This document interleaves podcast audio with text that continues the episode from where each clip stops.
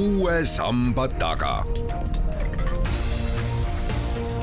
sammaste taha aitab vaadata sajaaastane eestikeelne rahvusülikool tere, tänane saade tuleb piiblist ja piibli tõlkimisest ning professor Urmas Nõmmik on tulnud ka selgitusi andma, sest tema veab ühte projekti, mis on selle teemaga ka seotud. jutujuht on Madis Ligi, kui ajas tagasi vaadata, siis piiblit on Eestis, eesti keelde erinevates murretes siis tõlgitud pea kolmsada aastat, nii et see ajalugu on väga auväärne on tõesti, see ajalugu on isegi pikem, sest äh, piibli teatud kirjakohtade tõlkimisega on tegeletud kindlasti juba kuueteistkümnendal sajandil, seitsmeteistkümnendal sajandil on aktiivselt tegeletud Uue Testamendi tõlkimisega Põhja-Eesti, Lõuna-Eesti keelde ja esimese täistõlkeni jõuti teatavasti tuhande seitsmesaja kolmekümne üheksandal aastal ja sealt siis see kolmsada peatselt ka ette viskab. Neid tõlkeid on tehtud äh, väga mitmeid, kuid äh, väga sageli on just nimelt Uus Testament olnud see, mida on siis eesti keelde pandud. miks just see on paelunud tähelepanu? ja see on hästi loogiline vastata, sest äh, äh piibli tõlkijad Eestis on olnud ju kristlased ja eelkõige luterliku kiriku liikmed, see tähendab, et esmalt tuleb tõlkida see, mis on kristliku usutunnistuse jaoks kõige olulisem ja see on Uus Testament, sõnum äh, Jeesusest ja, ja inimese lunastamisest. Äh, ja siis alles jõutakse Vana Testamendini, kuigi mina Vana-testamendi professorina pean tunnistama, et see on huvitavam osa piibli tõlkimisest no täiesti loomulik jah, ja sellepärast te olete siis äh, ka selle projekti vedamise ette võtnud. viimane piiblitõlge eesti keelde oli aastal tuhat üheksasada üheksakümmend seitse, jah? See on natukene keerulisem, et see, mis tuhande üheksasaja üheksakümne seitsmendal aastal välja anti, seda võib nimetada uueks äh, piibli väljaandeks, äh, seda, selle eest hoolitses siis Eesti Piibli Selts ja nad tegelikult kasutasid äh, kahte varasemat tõlget, mida nad siis redigeerisid, et Vana-testamendi osas võeti üle tuhande üheksasaja kuuekümne kaheksanda aasta tõlge, mis oli tehtud Rootsis, seda korrigeeriti natukene ja Uue Testamendi osas võeti üle Toomas Pauli äh, tõlge koostöös Uku Masinguga tehtud äh, Uue Testamendi tõlge, seda korrigeeriti natuke rohkem, nii et äh, me saame rääkida siis noh, kristlikus kontekstis viimasest või kõige uuemast Vana-testamendi tõlkest tuhande üheksasaja kuuekümne kaheksanda aasta vormis ja kõige uuemast Uue Testamendi tõlkest tuhande üheksasaja kaheksakümne üheksanda aasta vormis, aga mõlemad siis on on välja antud korrigeeritud, redigeeritud väljaandena tuhat üheksasada üheksakümmend seitse. aga lisaks sellele on eesti keelde tõlgitud tegelikult piiblit veel, et kindlasti tuleb nimetada Jehoova tunnistajate uue maailma tõlget, mis ilmus aastaks kaks tuhat neliteist. Ja mis on küll tehtud inglisekeelsest Jehoova tunnistajate baaspiiblist, aga on tehtud väga hästi, nii et ka seda vist tasub siin kohapeal nimetada nimetada tasub ka seda, et õnneks nendest kõige esimestest tõlgetest on mõned eksemplarid ka tänapäevani säilinud tuhande seitsmesaja kolmekümne üheksandast jah, kindlasti isegi päris palju, ma arvan, et päris paljud eestlastest on ka neid tuhande seitsmesaja kolmekümne üheksanda aasta piibleid kusagil näinud. varasematest on paraku täielikult säilinud ainult lõuna-eestikeelne vastne testament tuhat kuussada kaheksakümmend kuus nüüd aga siis selle teie juhitava projekti juurde, mis see peasiht teil on? peasiht on, see kõlab võib-olla natukene imelikult, aga lihtsalt tõlkida, et, et piibli tõlkimine on tegelikult lõputu töö ta, tema, tema piibli tõlkimise idee ongi, et see ei lõpe mitte kunagi. jah, et vahepeal on olemas sellised verstapostid, kus siis äh, arvatakse, et nüüd me oleme piisavalt tõlkinud, äh, piisavalt läbi arutanud äh, seda tõlget ja me võiksime ta nüüd ühtede kaante vahel avaldada, aga muidu peab see tõlkimise töö ikkagi kogu aeg edasi minema. ja, ja seal on sellised kaks olulist põhjust, et üks asi on see, et meie keel muutub kogu aeg, et Toomas Paul on korduvalt öelnud seda avalikkuse ees, et äh, iga põlvkond vajaks tegelikult uut põl-, äh, tõlget, üks kultuurrahvas võiks lubada endale iga kahekümne viie aasta tagant uue tõlke. see tähendab, et me peame arvestama siis sellega, kuidas, kuidas keel muutub, et me peame tõlkima uude keelde. aga lisaks me saame ikkagi pidevalt targemaks käsikirjade alal, et see, see tekst, millest teha tõlget eesti keelde, see tekst ise ka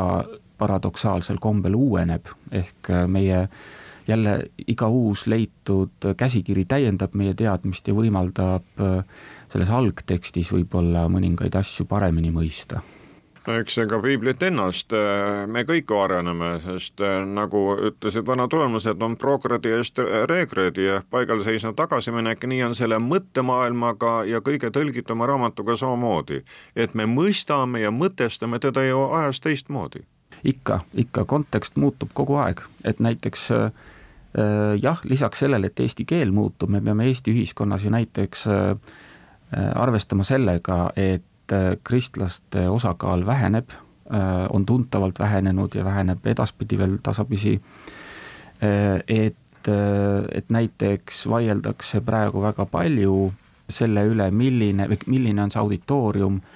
millisele peaks olema see uus piiblitõlge suunatud, et kui rääkida rahvapiibli fenomenist näiteks, see on noh, luterlikus kontekstis või protestantlikus kultuuri kontekstis on see äh, on see ideaal, et äh, tõlgitakse piibel äh, rahva piibliks, kõik kasutavad seda, kõik tunnevad seda, kõik on selle tekstis kodus, äh, selline idee on. et sellist on tänapäeval väga raske teha, sest on mingisugune suhteliselt väike protsent ühiskonnast, kes mõistab seda keelt, mida piiblis kasutatakse ja on siis palju-palju-palju suurem hulk inimesi, kes seda keelt niisama esimese hooga ei mõista ehk et nad vajaksid äh, sissejuhatust ja kommenteerimist üldse selle jaoks, et piibliteksti hakata lugema. aga see tähendab, et, et kui me tahaksime tänapäeval tõlkida rahvapiiblit, kas me siis peame tõlkima kas me peame arvestama siis nii-öelda inimesega tänavalt äh, ja kohe selgitama, kasutama tõlget ennast selleks, et seal sees selgitada asju või siis lisada hästi palju joonealuseid kommentaare või, või teha iga raamatu, iga piibliraamatu ette ekstra sissejuhatav peatükk ja nii edasi, et sellised küsimused on kogu aeg õhus.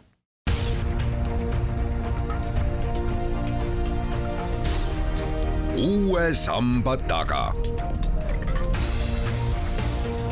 sammaste taha aitab vaadata sajaaastane eestikeelne rahvusülikool härra professor, aga piiblis on kuuskümmend kuus raamatut, kas kavatsete siis kõigile nii-öelda ees- või järelsõna teha ehk selgitusi anda, et inimesed seda paremini mõistaksid? See oleks ideaal muidugi, äh, mulle küll meeldiks, kui iga raamatu ees oleks mingi sissejuhatus. no Jehoova tunnistajate piiblis on äh, seda natukene äh, tehtud, ehk seal on paar lehekülge sissejuhatust iga raamatu ees, et see on juba väga, väga ilusti tehtud ja siit saab Eesti Piibliselts kahtlemata õppida. meie Tartu Ülikoolis püüame asju teha nii, noh, me muidugi võtame siis selle projekti ette ka võib-olla sajaks aastaks, ei tea, aga et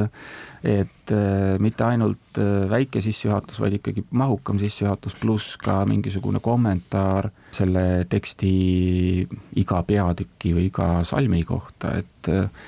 noh, see pilootraamat, mis sai välja antud täpselt kümme aastat tagasi, oli Hiobi raamatu tõlge ja kommentaar, et seal tuli neid lehekülgi ligi kolmsada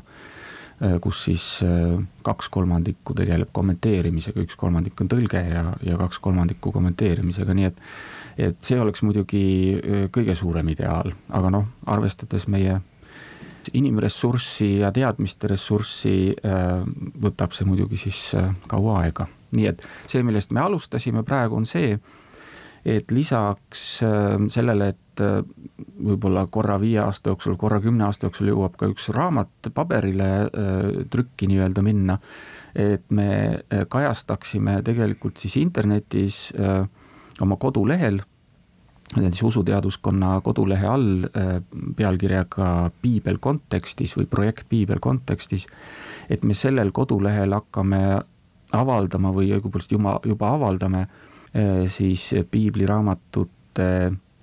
tõlgete selliseid tööversioone, et seal on alati kuupäev juures, mis, milline on viimane uuendus nii-öelda. ja,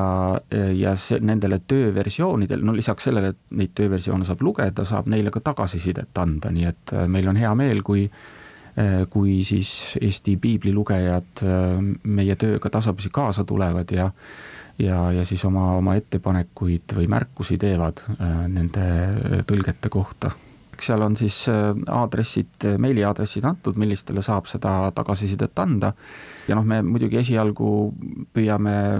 üliõpilaste käest saada tagasisidet, see on meie esimene publikum nii-öelda koha peal ülikoolis. aga loodame, et see siis tasapisi nüüd levib, see teadmine, et selline lehekülg on olemas, internetilehekülg ja et,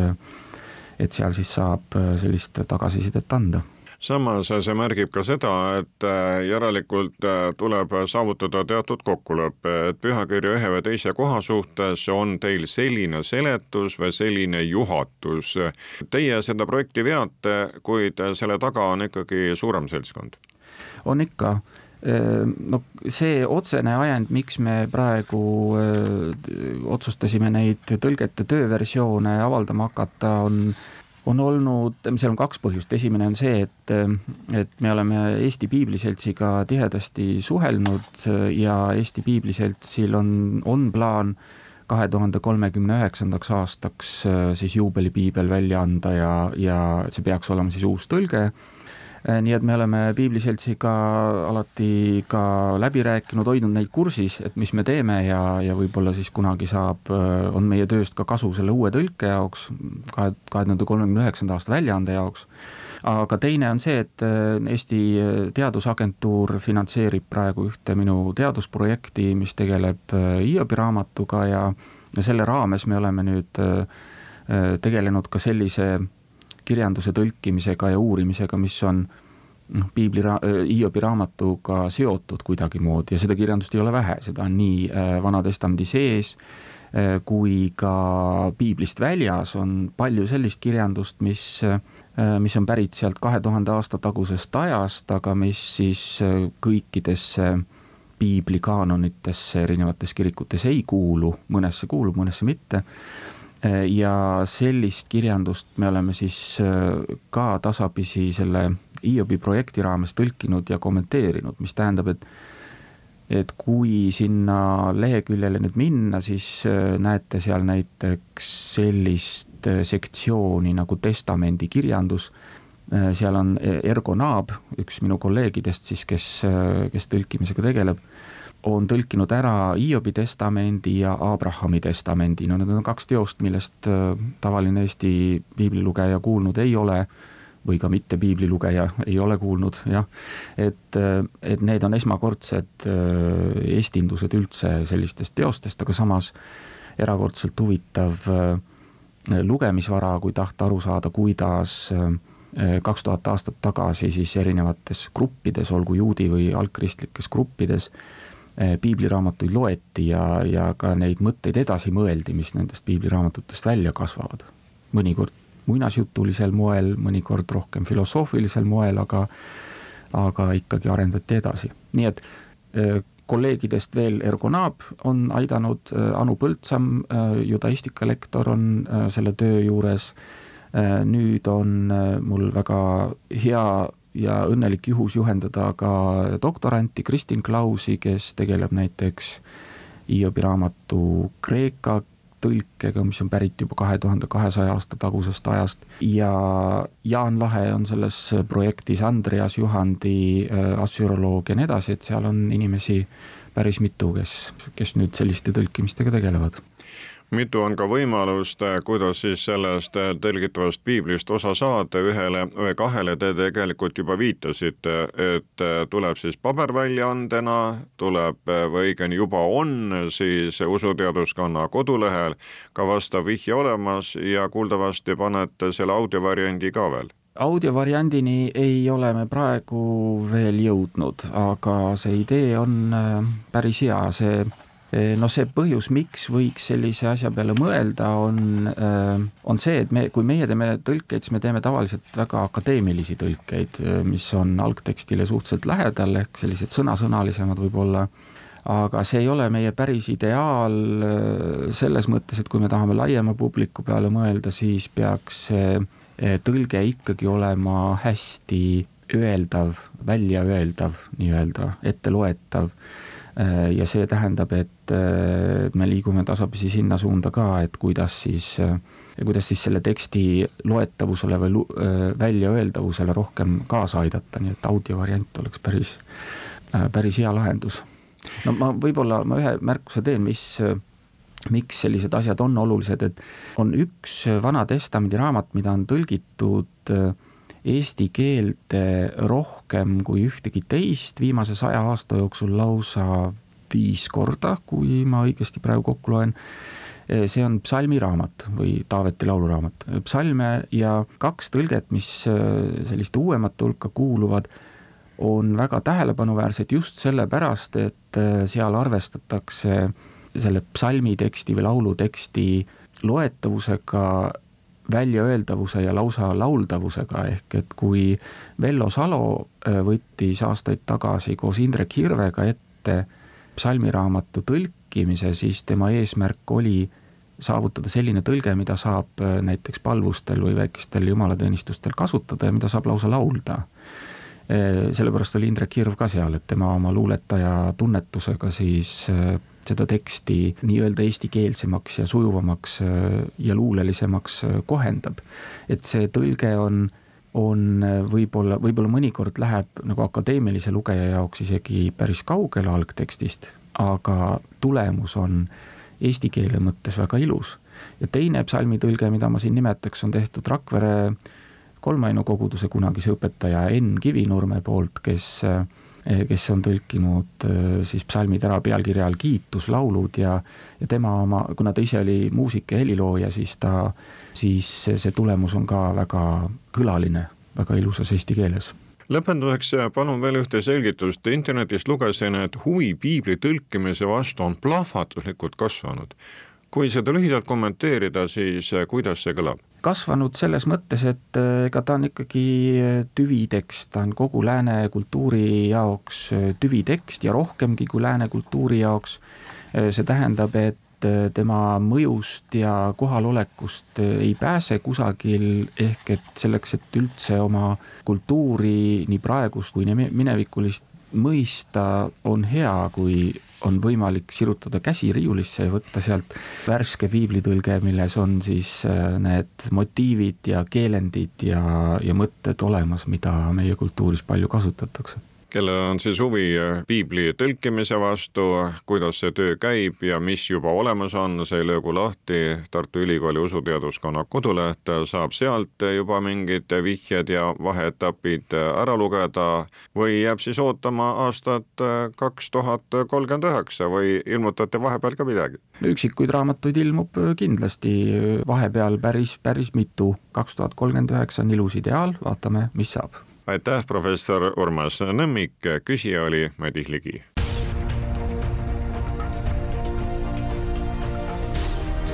uue samba taga. sammaste taha aitab vaadata sajaaastane eestikeelne rahvusülikool